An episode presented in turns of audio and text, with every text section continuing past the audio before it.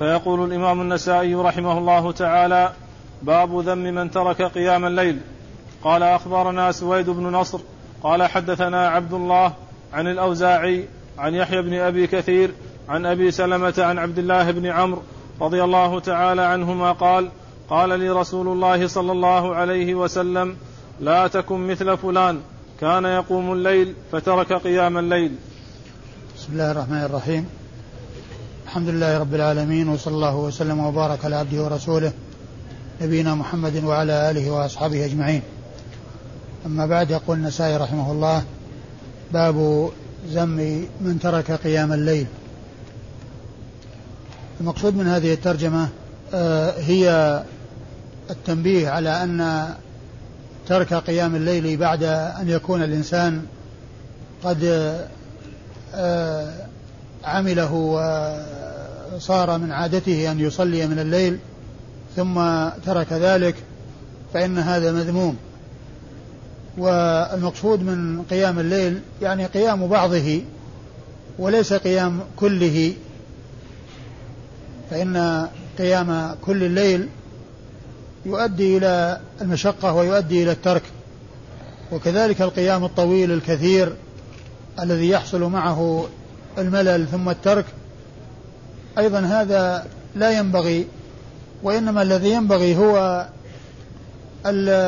المداومة على صلاة الليل ولو كانت قليلة كما جاء عن النبي عليه الصلاة والسلام في حديث قد مضى إن أحب العمل إلى الله ما داوم عليه صاحبه وإن قل. وسئلت عائشة رضي الله عنها عن أحب العمل إلى رسول الله عليه الصلاة والسلام فقالت الدائم وهذا يدلنا على أن المداومة على العمل الصالح ولو كان قليلا فإن هذا شيء آه، مستحب ومطلوب. وأما الإقدام على الشيء الكثير الذي يترتب معه الإملال ثم الترك فهذا مذموم. وقد أورد النسائي حديث عبد الله بن عمرو بن العاص رضي الله تعالى عنهما أن النبي عليه الصلاة والسلام قال لعبد الله بن عمرو لا يا عبد الله لا تكن مثل فلان كان يقوم الليل فترك قيام الليل. كان يقوم الليل أي يقوم آه، آه، أي يقوم آه، غالبه أو كثيرا منه فترتب على ذلك الملل ثم الترك. فإن هذا مذموم ولهذا فإن كون الإنسان يشدد على نفسه ويكثر العمل الذي يترتب عليه الترك هذا لا ينبغي للإنسان لأن النتيجة هي الترك. ولكنه إذا آه، داوم على شيء يقدر عليه ولا يشق عليه واستمر على ذلك وداوم على ذلك فهذا هو الذي ينبغي وهو الذي آه، وهو الذي هو أحب إلى الله وأحب إلى رسول الله صلى الله عليه وسلم. والله عز وجل يقول يا أيها الذين اتقوا الله حق تقاته ولا تموتن إلا وأنتم مسلمون.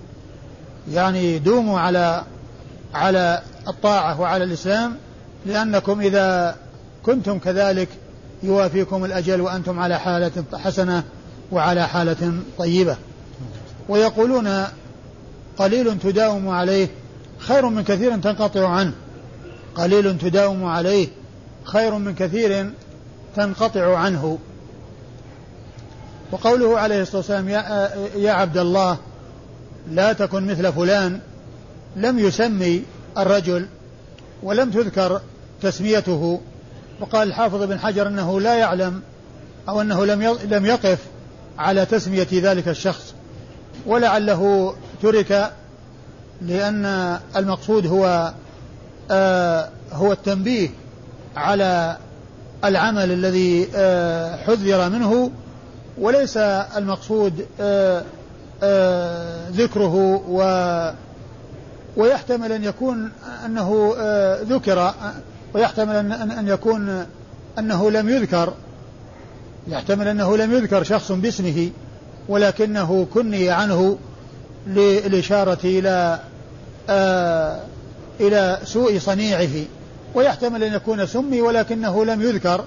يعني لم يذكره عبد الله بن عمرو العاص رضي الله عنه سترا عليه وليكون المقصود هو الحث على المداومة على قيام الليل أو على ما على ما يف على ما آه، آه، يجعله الإنسان لنفسه من قيام الليل بحيث يدوم على ذلك ولو كان قليلا. وكان عبد الله بن عمرو بن العاص رضي الله عنه من المحافظين على قيام الليل.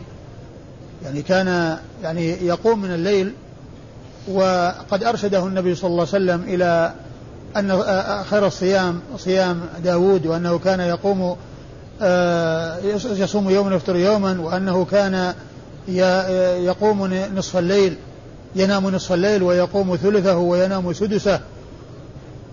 و وفي آه، وفي الحديث آه، الدلالة على أن على أن قيام الليل ليس بواجب. على أن قيام الليل ليس بواجب. وذلك أنه لو كان واجبا لما اكتفي بالإشارة إلى قوله لا تكون مثل فلان كان يقوم الليل وترك فترك قيام الليل. ومن المعلوم أن أنه لا يجب شيء من الأعمال من الصلوات إلا الصلوات الخمس في اليوم والليلة. لكن الوتر آكد آكد السنن وكذلك ركعة الفجر آكد السنن ولم يكن النبي وكان النبي صلى الله عليه وسلم يحافظ عليهما أي الوتر وركعتي الفجر في الحضر والسفر. يا عبد الله لا تكن مثل فلان. كان يقوم الليل فترك قيام الليل. وفي هذا آه ذم آه آه ترك العمل الصالح بعد أن يكون الإنسان قد عمله أو آه، قام به ثم بعد ذلك يحصل منه الترك. وهذا إذا كان المقصود من ذلك الإعراض. أما إذا حصل عنده يعني شيء من الموانع التي تقتضي ذلك فإنه كما فعل رسول الله عليه الصلاة والسلام كان إذا ترك أو إذا لم يتمكن من آه، أداء صلاته التي كان يصليها بالليل صلى من النهار اثنتي عشرة ركعة. وأما إسناد الحديث فيقول النسائي أخبرنا؟ سويد بن نصر. أخبرنا سويد بن نصر وهو المروزي. وهو راوية عبد الله بن المبارك وهو ثقة أخرج حديثه الترمذي والنسائي. يروي عن عبد الله بن المبارك المروزي وهو ثقة ثبت جواد مجاهد آه قال عنه الحافظ بن حجر بعد أن ذكر جملة من صفاته في التقريب جمعت فيه خصال الخير جمعت فيه خصال الخير وحديثه عند أصحاب الكتب الستة. وإذا جاء سويد بن نصر يروي عن عبد الله غير منسوب فالمراد به ابن المبارك لأنه هو راويته وهو مروزي كما أن عبد الله بن المبارك مروزي. عن الأوزاعي. عن الأوزاعي وهو عبد الرحمن بن عمرو الأوزاعي فقيه الشام ومحدثها ثقة فقيه أخرج حديثه أصحاب الكتب الستة وهو أبو عمرو واسم أبيه عمرو. وهو ممن وافقت كنيته اسم أبيه. وهذا نوع من أنواع علوم الحديث. وهو معرفة من, من وافقت كنيته اسم أبيه. وفائدة معرفة هذا النوع أن لا يظن التصحيف. فيما إذا ذكر بالكنية بدل ذكره بالنسبة أو منسوبا إلى أبيه وإنما ذكر اسمه وكنيته فإن من لا يعرف أن الكنية موافقة لاسم الأب يظن أن ابن صحفت إلى أبو فصار بدل عبد الرحمن بن عمر عبد الرحمن أبو عمر مع أن الكل صحيح فهو عبد الرحمن بن عمر وهو عبد الرحمن أبو عمر. ولا تصحيف ولا إشكال فمن يعرف ذلك آآ آه، آآ آه، لا يلتبس عليه الأمر ولا يظن أن في اللفظ تصحيفا من ابن إلى أبو بل آه ذكره منسوبا إلى أبيه عمرو صحيح وذكره مكنن أي عبد الرحمن بن أبو عمرو هو صحيح ولا إشكال آه على من يعرف آه الحقيقة والأمر في ذلك وهو أن الكنية وافقت اسم الأب. وقد مر بنا جملة من الأشخاص من هذا القبيل. عبد الرحمن آه، منهم الأوزاعي ومنهم إسماعيل أبو مسعود البصري إسماعيل بن مسعود ومنهم هناد بن السري وجماعة كثيرون مر بنا ذكرهم وهم من هذا القبيل وافقت كناهم أسماء أسماء آبائهم. نعم. وعبد الرحمن وعبد الرحمن الأوزاعي ثقة أخرج حديثه أصحاب الكتب الستة. عن يحيى بن أبي كثير. عن يحيى بن أبي كثير اليمامي. عن يحيى بن أبي كثير اليمامي وهو ثقة آه، آه، ثبت يرسل ويدلس. وحديثه عند أصحاب الكتب الستة. عن أبي سلمة. عن أبي سلمة بن عبد الرحمن بن عوف.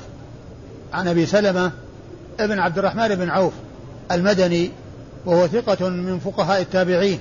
أخرج حديثه أصحاب الكتب الستة وهو أحد الفقهاء السبعة في المدينة في عصر التابعين على أحد الأقوال في السابع منهم. على أحد الأقوال في السابع منهم لأن الفقهاء فقهاء المدينة السبعة كما ذكرت ذلك مرارا وتكرارا ستة متفق على عدهم في الفقهاء السبعة والسابع منه فيه ثلاثة أقوال. الستة هم عبيد الله بن عبد الله بن عتبة بن مسعود وعروة بن الزبير بن العوام وخارجة بن زيد بن ثابت وسعيد بن مسيب وسليمان بن يسار والقاسم بن محمد ابن أبي بكر الصديق. هؤلاء ستة متفق على عدهم في الفقهاء السبعة. والسابع فيه ثلاثة أقوال. قيل أبو سلمة بن عبد الرحمن بن عوف هذا الذي معنا في الإسناد وقيل أبو بكر بن عبد الرحمن بن الحارث بن هشام وقيل سالم بن عبد الله بن عمر بن الخطاب نعم. عن عن عبد الله بن عمرو عن عبد الله بن عمرو بن العاص رضي الله تعالى عنهما صحابي ابن صحابي وهو من صغار الصحابة وهو أحد العباد له الأربعة من أصحاب رسول الله صلى الله عليه وسلم الذين اشتهروا بهذا اللقب وهم من صغار الصحابة وهم عبد الله بن عمرو بن العاص وعبد الله بن عمر بن الخطاب وعبد الله بن الزبير بن العوام وعبد الله بن عباس بن عبد المطلب رضي الله تعالى عنهم وعن الصحابة أجمعين. ومما يذكر عند ذكر عبد الله بن عمرو أن أن أنه أكبر أولاد أبيه وقد ولد آه وقد ولد عبد الله بن, آه آه بن عمرو لأبيه وعمره أي عمر والده ثلاثة عشرة سنة. يعني أنه احتلم وهو صغير وتزوج وهو صغير وولد له وهو صغير. أي عمرو بن العاص رضي الله تعالى عنه ولد له وعمره ثلاثة عشر عاما. ويقال إن عمرو بن العاص أكبر من ابنه عبد الله بثلاث عشرة سنة. أي أنه ولد له عبد الله أي ولد لعمرو وهو صغير. وحديث عبد وحديث عبد الله بن عمرو عند أصحاب الكتب الستة نعم. وقال رحمه الله تعالى أخبرنا الحارث بن أسد قال حدثنا بشر بن بكر قال حدثني الأوزاعي قال حدثني يحيى بن أبي كثير عن عمر بن الحكم بن ثوبان قال حدثني أبو سلمة بن عبد الرحمن عن عبد الله بن عمرو رضي الله تعالى عنهما قال قال رسول الله صلى الله عليه وسلم لا تكن يا عبد الله مثل فلان. كان يقوم الليل فترك قيام الليل. ثم ذكر النسائي حديث عبد الله بن عمرو من طريق أخرى وهو مثل الذي قبله تماما. أما الإسناد فيقول النسائي أخبرنا الحارث, الحارث بن أسد المصري وهو ثقة أخرجه النسائي. وهو ثقة أخرج حديثه النسائي. يروي عن عن بشر بن بكر. بشر بن بكر. يروي عن بشر بن بكر المصري أيضا وهو ثقة صدوق ثقة يغرب. ثقة يغرب أخرج حديثه. البخاري وأبو داود والنسائي وابن ماجه. أخرج حديث البخاري وأبو داود والنسائي وابن ماجه. ما أخرج حديثه لا مسلم ولا الترمذي. قال حدثني الأوزاعي. قال حدثني الأوزاعي وقد مر ذكره عن يحيى نعم. ابن أبي كثير وقد مر ذكره عن عمر بن الحكم بن ثوبان. عن عمر آه بن الحكم بن ثوبان وهو صدوق. وهو صدوق نعم. صدوق. صدوق أخرج له البخاري تعليقا أيوة. ومسلم وأبو داود والنسائي وابن ماجه. وهو صدوق أخرج له البخاري تعليقا ومسلم وأبو داود والنسائي وابن ماجه. ما خرج له البخاري في الصحيح ولا الترمذي. عن أبي سلمة بن عبد الرحمن عن عبد الله بن عمرو. عن أبي سلمة بن عبد الرحمن عن عبد الله بن عمرو بن العاص وقد مر ذكرهما في الإسناد الذي قبل هذا. وقال رحمه الله تعالى: باب وقت ركعتي الفجر وذكر الاختلاف على نافع. قال أخبرنا محمد بن إبراهيم البصري قال حدثنا خالد بن الحارث قال قرأت على عبد الحميد بن جعفر عن نافع عن صفية عن حفصة رضي الله تعالى عنها عن النبي صلى الله عليه وسلم أنه كان يصلي ركعتي الفجر ركعتين خفيفتين. ثم ورد النسائي آه، وقت صلاة وقت ركعتي الفجر وذكر الاختلاف على نافع. على نافع. على نافع مولى بن عمر في هذا الحديث. وقد أورد النسائي آه، حديث يعني هذا الحديث من طرق متعددة. أولها هذه الطريقة التي التي يقول فيها أن النبي صلى الله عليه وسلم كان إيش المتن؟ أنه كان يصلي ركعتي الفجر ركعتين خفيفتين. أنه كان يصلي ركعتي الفجر ركعتين خفيفتين أي ركعتي السنة. وليس المقصود من ذلك الفريضة وإنما المقصود من ذلك بهذه الركعتين آه، السنة التي تسبق صلاة الفجر وهما ركعتان خفيفتان آه، يخففهما كثيرا وجاء كما مر في الأحاديث أنه عليه الصلاة والسلام كان يقرأ فيهما قل يا أيها الكافرون وقل هو الله أحد كثيرا ما كان يقرأ هاتين السورتين وأحيانا يقرأ آيتين إحداهما في سورة البقرة قولوا آمنا بالله وما أنزل إلينا الآية والثانية في سورة آل عمران وهي قوله تعالى قل تعالوا قل تعالوا قل أهل الكتاب تعالوا إلى كلمة سواء بيننا وبينكم الآية. فكان يقرأ آه هاتين السورتين أحيانا كثيرة وأحيانا هاتين الآيتين من سورة البقرة وآل عمران. أخبرنا محمد بن إبراهيم. أخبرنا محمد بن إبراهيم البصري وهو محمد بن إبراهيم بن صدران. وهو صدوق أخرج حديثه أبو داود, أبو داود والترمذي والنسائي. نعم. أبو داود والترمذي والنسائي. قال حدثنا خالد بن الحارث. قال حدثنا خالد بن الحارث البصري وهو ثقة أخرج حديثه أصحاب الكتب الستة. قال قرأت على عبد الحميد بن جعفر. قال قرأت على عبد الحميد بن جعفر وهو صدوق له أوهام. صدوق ربما وهم. صدوق ربما وهم. أخرج حديثه البخاري تعليقا ومسلم وأصحاب السنن. أخرج حديثه البخاري تعليقا ومسلم وأصحاب السنن الأربعة. صدوق ربما وهم. أخرج حديثه البخاري تعليقا ومسلم وأصحاب السنن الأربعة. عن نافع. عن نافع وهو مولى بن عمر وهو ثقة ثبت أخرج حديثه أصحاب الكتب الستة. عن صفية. عن صفية وهي صفية بنت عبيد. بنت أبي عبيد. بنت أبي عبيد. صفية بنت بنت أبي عبيد. بنت أبي عبيد بن نعم. مسعود الثقفية بنت أبي ع... بنت أبي عبيد الثقفية زوجة عبد الله بن عمر رضي الله تعالى عنهما. وقيل إنها لها إدراك وقال آه وقال بعض العلماء إنها ثقة أي أنها يعني آه تابعية وحديثها أخرجه أصحاب الكتب. البخاري تعليقا ومسلم وأبو داود والنسائي وابن ماجه. البخاري تعليقا أخرجه البخاري تعليقا ومسلم وأبو داود. والنسائي وابن ماجه. البخاري تعليقا ومسلم وأبو داود والنسائي وابن ماجه. هذا لصفية بنت أبي عبيد الثقفية. نعم. عن حفصة. عن حفصة بنت عمر بن الخطاب رضي الله تعالى عنها وأرضاها أم المؤمنين وحديثها عند أصحاب الكتب الستة. وقال رحمه الله تعالى أخبرنا شعيب بن شعيب بن إسحاق. قال حدثنا عبد الوهاب. قال أخبرنا شعيب. قال حدثنا الأوزاعي. قال حدثني يحيى. قال حدثني نافع.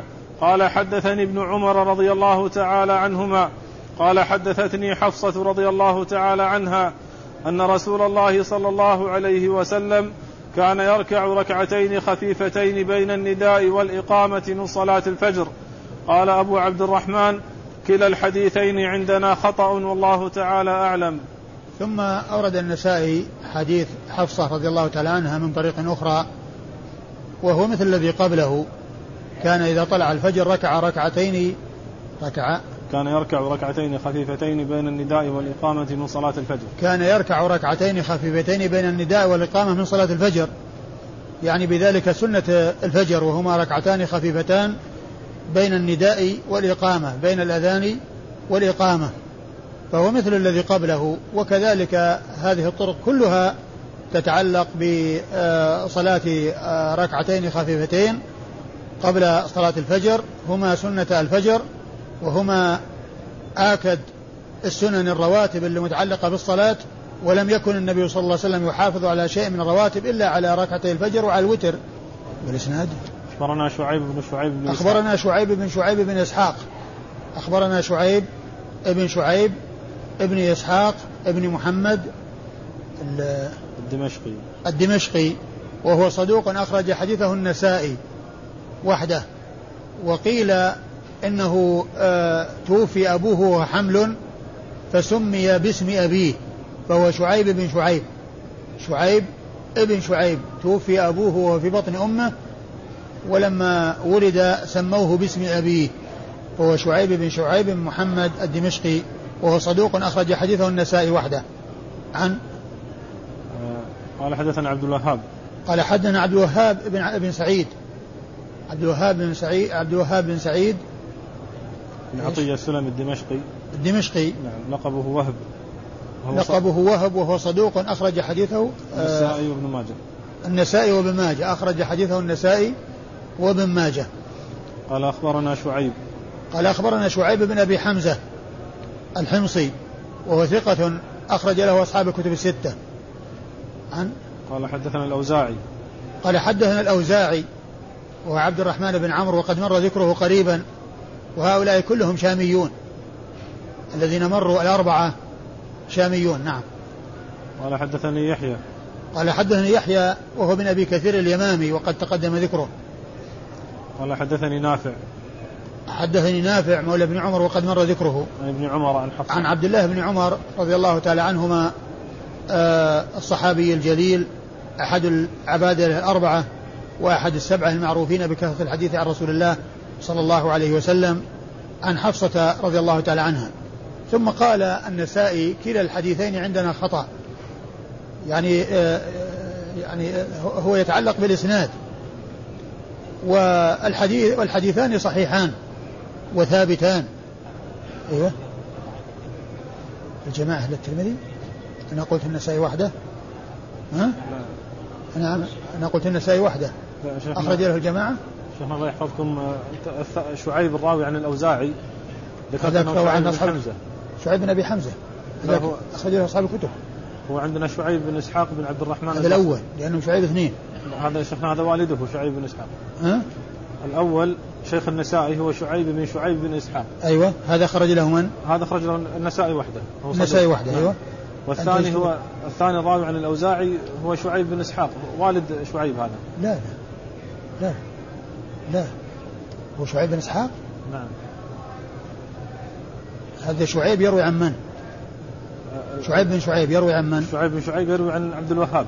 عن عبد الوهاب. نعم وعبد الوهاب وعبد الوهاب يروي عن من؟ عن شعيب. عن شعيب. نعم. شعيب شعيب بن أبي حمزة اللي هو اللي يروي عن الأوزاعي. شعيب بن أبي حمزة هو الذي يروي عن الأوزاعي. يروي عن الزهري شيخ الله يحفظه هو اللي يروي عن ال... نعم عن عن عن, عن الأوزاعي وعن الزهري. كلهم كلهم يعني يعني كلهم شاميون هو عندكم من شعيب بن ابي شعيب بن بن, بن إسحاق والله نعم إيش يقول؟ شعيب بن إيش؟ إيش؟ شعيب بن إسحاق يعني والد شعيب الأول. يعني نص على أنه شعيب بن إسحاق يعني في تحفة الأشرار من خرج له إذا كان الأمر كذلك فما قلته خطأ وهو شعيب بن إسحاق ابن محمد الدمشقي. شعيب بن إسحاق بن عبد الرحمن. شعيب بن إسحاق بن عبد الرحمن أو محمد؟ بن عبد الرحمن البصري. لا لا. لا الأول. الأول. نعم. الأول شعيب بن شعيب. شعيب بن ابن إسحاق. ابن إسحاق بن عبد الرحمن بن عبد الرحمن؟ البصري ثم الدمشقي. أيوه. ما هو ابن محمد؟ نعم لا. شعيب شعيب بن شعيب بن إسحاق بن عبد الرحمن نعم الدمشقي. طيب. وذاك يعني أبوه يعني يروي عن يروي بينه وبين ابنه واسطة. ومن المعلوم أن أنه توفي واللي هو شعيب وهو حمل. يعني توفي أبوه وهو حمل. فيروي عن عبد الوهاب بن سعيد عن أبيه. يعني يروي عن أبيه بواسطة. طبعا هو ما أدرك أباه بل بل ولد وهو في بطن أمه ولهذا سمي باسم أبيه.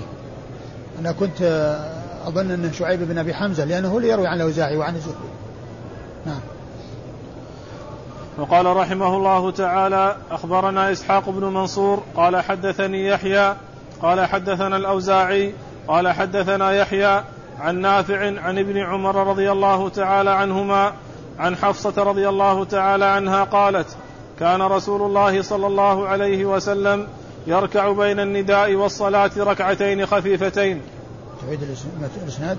قال أخبرنا إسحاق بن منصور قال حدثني يحيى قال حدثنا الأوزاعي قال حدثنا يحيى عن نافع عن ابن عمر عن حفصة. ثم ثم ذكر النسائي آه، الإسناد الحديث من طريق أخرى عن حفصة رضي الله تعالى عنها وأن النبي صلى الله عليه وسلم كان يركع بين النداء والصلاة ركعتين خفيفتين.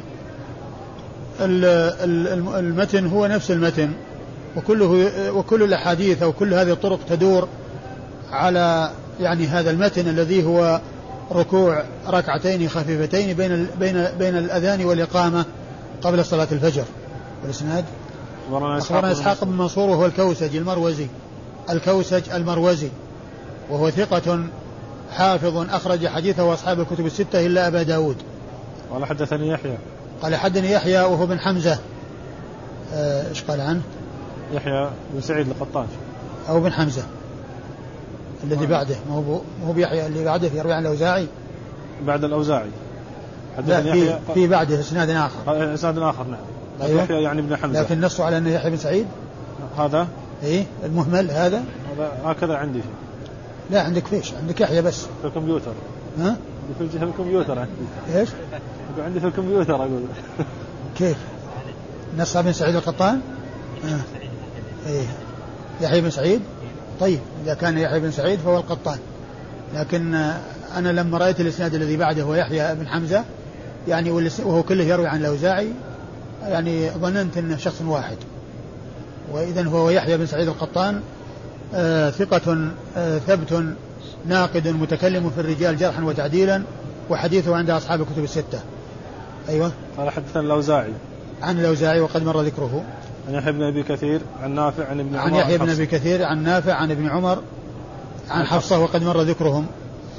وقال رحمه الله تعالى أخبرنا هشام بن عمار. ثم قول النسائي في الاسناد المتقدم كلا الحديثين عندنا خطأ ما أدري ما وجهه مع أن مع أن الإسناد الثاني هو مثل مثل هذا الإسناد من حيث أنه كل فيه الأوزاعي عن عن يحيى بن أبي كثير عن ابن عمر عن عن حفصة. ما أدري إيش وجه الخطأ لأن ذاك طبعا فيه صفية بدل ابن عمر. يعني قد يكون يعني مثلا يصير فيه يعني لكن من حيث من حيث الرواية ومن حيث يحيى بن أبي كثير روى عن ابن روى عن آه، يحيى بن أبي كثير بن أبي كثير روى عن عن عن عن نافع وعن عن نافع عن صفية الأول. الأول نعم. يحيى عن نافع عن نعم. ابن عمر. يعني نافع يروي عن صفية ويروي عن ابن عمر. نافع يروي عن صفية وعن ابن عمر. فالاسناد ما أدري إيش وجه الخطأ الذي فيه اللي هو الإسناد الثاني من الإسنادين المتقدمين. اللي هو الاسناد الأول والاسناد الثاني. يعني ال ال ال هذا الإسناد مثله تماما. يعني من حيث إنه فيه الأوزاعي عن يحيى بن أبي كثير عن نافع عن عبد الله بن عمر عن عن حفص عن عن حفصة. نعم. الحديثين آه، اللي مر إسنادهما اولا. يعني في أول الباب. الإسناد الأول والإسناد الثاني. هذا المقصود بقوله كلا الحديثين عندي خطأ. ها؟ صفية حديث واحد. صفية حديث واحد لكن الحديث الذي بعده هو الإسناد اللي بعده فيه نافع عن ابن عمر يحيى بن أبي كثير. عن نافع عن عن ابن عمر عن حفصة. ما أدري إيش وجه الخطأ فيه. أخبرنا هشام بن عمار. آه، الإسناد أخبرنا هشام بن عمار. قال حدثني يحيى يعني بن حمزة. هشام بن عمار صدوق أخرج حديث البخاري وأصحاب السنة الأربعة. عن يحيى بن حمزة يحيى هو بن حمزة؟ نعم يعني يحيى هو بن حم يعني ابن يعني حمزة. يعني حمزة. يعني فيه يعني ولا هو؟ يعني ابن حمزة. يعني ابن حمزة. آه، إيش قال عنه؟ ابن واقد الحضرمي الدمشقي ثقة رمي بالقدر أخرج حديثه الجماعة.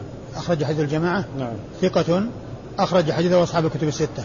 وكلمة يعني ابن حمزة قالها من دون آه من دون هشام بن عمار. من دون من دون هشام بن عمار. النسائي أو من دون النسائي؟ نعم. قال حدثنا الأوزاعي عن يحيى. قال حد الأوزاعي عن يحيى عن عن أبي سلمة. عن أبي سلمة عن قال هو ونافع عن ابن عمر. قال هو ونافع عن, عن ابن عمر. عن حفصة. وقد مر ذكر هؤلاء جميعا. وقال رحمه الله تعالى أخبرنا إسحاق بن منصور. قال حدثنا معاذ بن هشام. قال حدثني أبي عن يحيى بن أبي كثير. قال حدثني نافع أن ابن عمر رضي الله تعالى عنهما حدثه أن حفصة رضي الله تعالى عنها حدثته أن رسول الله صلى الله عليه وسلم كان يصلي ركعتين خفيفتين بين النداء والإقامة من صلاة الصبح. ثم ورد النسائي الحديث من طريق أخرى وإسناده يقول النسائي أخبرنا إسحاق بن منصور وهو الكوسج الذي مر ذكره قريبا عن معاذ, معاذ بن هشام بن أبي عبد الله الدستوائي وهو صدوق آه، ربما وهم أو له أوهام. ربما وهم. صدوق ربما وهم وحديثه أخرجه أصحاب الكتب الستة. يروي عن أبيه آه، آه، هشام بن أبي عبد الله الدستوائي وهو ثقة أخرج حديثه أصحاب الكتب الستة. عن يحيى بن أبي كثير. عن يحيى بن أبي كثير عن نافع عن ابن عمر عن حفصة وقد مر ذكرهم. وقال رحمه الله تعالى أخبرنا يحيى بن محمد قال حدثنا محمد بن جهضم قال إسماعيل حدثنا عن عمر بن نافع عن أبيه عن ابن عمر رضي الله تعالى عنهما قال أخبرتني حفصة رضي الله تعالى عنها أن رسول الله صلى الله عليه وسلم كان يصلي قبل الصبح ركعتين. ثم ورد حديث حفصة من طريق أخرى والمتن هو نفس المتن والإسناد. أخبرنا يحيى يحيى بن محمد. يحيى بن محمد وهو بن السكن البزار البصري. البصري. صدوق نعم صدوق أخرج صدوق, صدوق أخرج له؟ البخاري وأبو داود والنسائي. صدوق أخرجه البخاري وأبو داود والنسائي. عن محمد بن جهضم. محمد بن جهضم وهو صدوق. صدوق أخرج له البخاري ومسلم وأبو داود والنسائي. البخاري ومسلم وأبو داود والنسائي. قال قال إسماعيل. قال قال إسماعيل. قال إس... لا إيش العبارة؟ قال حدثنا محمد بن جهضم. قال إسماعيل حدثنا عن قال إسماعيل حدثنا. قال إسماعيل حدثنا عن إيش؟ عن عمر بن نافع. قال إسماعيل حدثنا عن؟ عن عمر بن نافع. نعم. قال إسماعيل حدثنا هذا مما تق... مما تقدم فيه الاسم على الصيغة. مما قدم فيه الاسم على الصيغة. يعني بدل ما قال حدثنا إسماعيل بدل ما يقول قال حدثنا إسماعيل عن آه عن عمر بن نافع قال إسماعيل حدثنا. وهذا يأتي في بعض الأسانيد أحيانا أنه يقدم الاسم على الصيغة. يقدم اسم الراوي على الصيغة التي آه التي قالها أو التي آه التي قالها من من دونه. يعني بدل ما يقول محمد بن جهضم حدثنا إسماعيل قال إسماعيل حدثنا فقدم الاسم على الصيغة. وإسماعيل هو بن جعفر وهو ثقة أخرج حديثه أصحاب الكتب الستة. عن عمر بن نافع. عن عمر بن نافع مولى بن عمر. عمر بن نافع يعني أبوه مولى بن عمر وهو ثقة أخرج له أصحاب الكتب. الستة إلا الترمذي. آه وهو ثقة أخرج له أصحاب الكتب الستة إلا الترمذي. عن أبيه نافع عن ابن عمر عن حفصة. عن حفصة. وقد مر ذكرهم. وقال رحمه الله تعالى أخبرنا محمد بن عبد الله بن عبد الحكم قال أخبرنا إسحاق بن الفرات عن يحيى بن أيوب قال حدثني يحيى بن سعيد قال أخبرنا نافع عن ابن عمر رضي الله تعالى عنهما عن حفصة رضي الله تعالى عنها أنها أخبرت أن رسول الله صلى الله عليه وسلم كان إذا نودي لصلاة الصبح سجد سجدتين قبل صلاة الصبح. ثم ورد النسائي حديث ابن عمر وفيه التعبير بالسجدتين والمراد بالسجدتين ركعتين لأنه يطلق على الركعة أنها سجدة وقوله سجد سجدتين يعني ركع ركعتين. والمتن هو نفس المتن إلا أن فيه ذكر السجدتين ولا فرق بين ذكر السجدتين والركعتين. وأما الإسناد يقول النسائي أخبرنا محمد بن عبد الله بن الحكم المصري المصري وهو ثقة حافظ أخرج له النسائي وحده. قال أخبرنا إسحاق بن الفرات قال النسائي؟ نعم. النسائي وحده؟ نعم النسائي وحده. النسائي وحده. قال أخبرنا إسحاق بن الفرات التجيبي المصري. التجيبي المصري في النسخة النسخة التقريب المصرية قال البصري. وهو المصري. ما أدري في التقريب عندنا المصري. المصري؟ إيه المصري. المصري. المصري؟ نعم. نعم هو المصري وليس البصري. وهو وهو صدوق؟ صدوق فقيه أخرج له النسائي صدوق وحده. فقيه أخرج حديثه النسائي وحده؟ نعم. صدوق فقيه أخرج حديثه النسائي وحده. عن يحيى بن أيوب. عن يحيى بن أيوب أيضا المصري وهو صدوق ربما أخطأ. صدوق ربما أخطأ أخرج له أصحاب الكتب. نعم. صدوق ربما أخطأ أخرج له أصحاب الكتب الستة. قال حدثني يحيى بن سعيد. قال حدثني يحيى بن سعيد الأنصاري المدني وهو ثقة أخرج حديثه أصحاب الكتب الستة. قال أخبرنا نافع عن ابن عمر عن حفصة. عن نافع عن ابن عمر عن حفصة وقد مر ذكرهم. وقال رحمه الله تعالى أخبرنا عبد الله بن إسحاق عن أبي عاصم عن ابن جريج قال أخبرني موسى بن عقبة عن نافع عن ابن عمر رضي الله تعالى عنهما عن حفصة أم المؤمنين رضي الله تعالى عنها أنها أخبرت أن رسول الله صلى الله عليه وسلم كان إذا سكت المؤذن صلى ركعتين خفيفتين. ثم ورد النسائي الحديث من طريق أخرى وهو مثل ما تقدم. وأما إسناده يقول النسائي أخبرنا عبد الله بن إسحاق. نعم. أخبرنا عبد الله بن إسحاق البصري وهو مستملي أبي عاصم وهو ثقة حافظ. أخرج. أصحاب السنن. أخرج حديثه أصحاب السنن الأربعة. عن أبي عاصم وهو الضحاك بن مخلد النبيل أبو عاصم النبيل وهو ثقة أخرج حديثه أصحاب الكتب الستة وهو من كبار شيوخ البخاري. النسائي لا يروي عنه إلا بواسطة. النسائي ما أدركه وإنما يروي عنه واسطة وهو من كبار شيوخ البخاري. عن ابن جريج. عن ابن جريج وهو عبد الملك ابن عبد العزيز بن جريج المكي وهو ثقة فقيه يرسل ويدلس وحديثه أخرجه أصحاب الكتب الستة. قال أخبرني موسى بن عقبة. قال أخبرني موسى بن عقبة وهو ثقة آه، فقيه إمام في المغازي وحديثه أخرجه أصحاب الكتب الستة. عن نافع عن ابن عمر عن حفصة. عن نافع عن ابن عمر عن حفصة وقد مر ذكرهم. وقال رحمه الله تعالى أخبرنا محمد بن سلمة قال حدثنا حدثنا ابن القاسم عن مالك قال حدثني نافع عن عبد الله بن عمر أن حفصة أم المؤمنين رضي الله تعالى عنها أخبرته أن رسول الله صلى الله عليه وسلم كان إذا سكت المؤذن من الأذان لصلاة الصبح وبدأ الصبح صلى ركعتين خفيفتين قبل أن تقام الصلاة. ثم ورد النسائي حديث حفصة رضي الله عنها من طريق أخرى وهو مثل ما تقدم. وأما إسناده فيقول النسائي أخبرنا محمد بن سلمة وهو المرادي المصري ثقة ثبت أخرج له مسلم وأبو داود والترمذي والنسائي. النسائي وابن ماجه. نعم. والنسائي وابن ماجه. مسلم وأبو داود والنسائي وابن ماجه. قال حدثنا ابن القاسم. قال حدثنا ابن القاسم وهو عبد الرحمن بن القاسم. ثقة فقيه صاحب الإمام مالك. وقد أخرج حديثه البخاري وأبو داود في المراسيل والنسائي. عن مالك. عن مالك بن أنس إمام دار الهجرة المحدث الفقيه الإمام المشهور أحد أصحاب المذاهب الأربعة من مذاهب أهل السنة المشهورة وحديثه آه، عند أصحاب الكتب الستة. عن نافع عن عبد الله بن عمر عن عن حفصة. نافع عن عبد الله بن عمر عن حفصة وقد مر ذكرهم. والله تعالى أعلم وصلى الله وسلم وبارك على عبده ورسوله نبينا محمد وعلى آله وأصحابه أجمعين. والشيخ الله يحفظكم الراوي المستور الذي علمت عدالته ظاهرا ولم تعلم باطنا. هل تقبل روايته؟ وكما هو معلوم العدالة الباطن لا يعلمها إلا الله عز وجل. ما يطلع على البواطن إلا الله. وإنما الذي وإنما هو التعديل على حسب ما يظهر للناس. فالذي علمت عدالته وظهرت عدالته وعدل يعني ما بقي مستورا.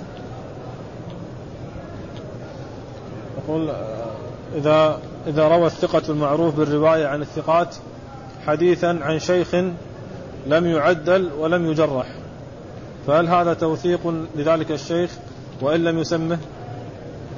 هو إذا كان أنه لا يروي إلا إلا عن ثقة يعني يمكن أن يكون تعديل أو توثيق من ذلك الشخص. لكن كما هو معلوم آه، الراوي إذا قال حدثني الثقة فإنه لا يعول على كلامه لأنه قد يكون ثقة عنده ومجروحا عند غيره.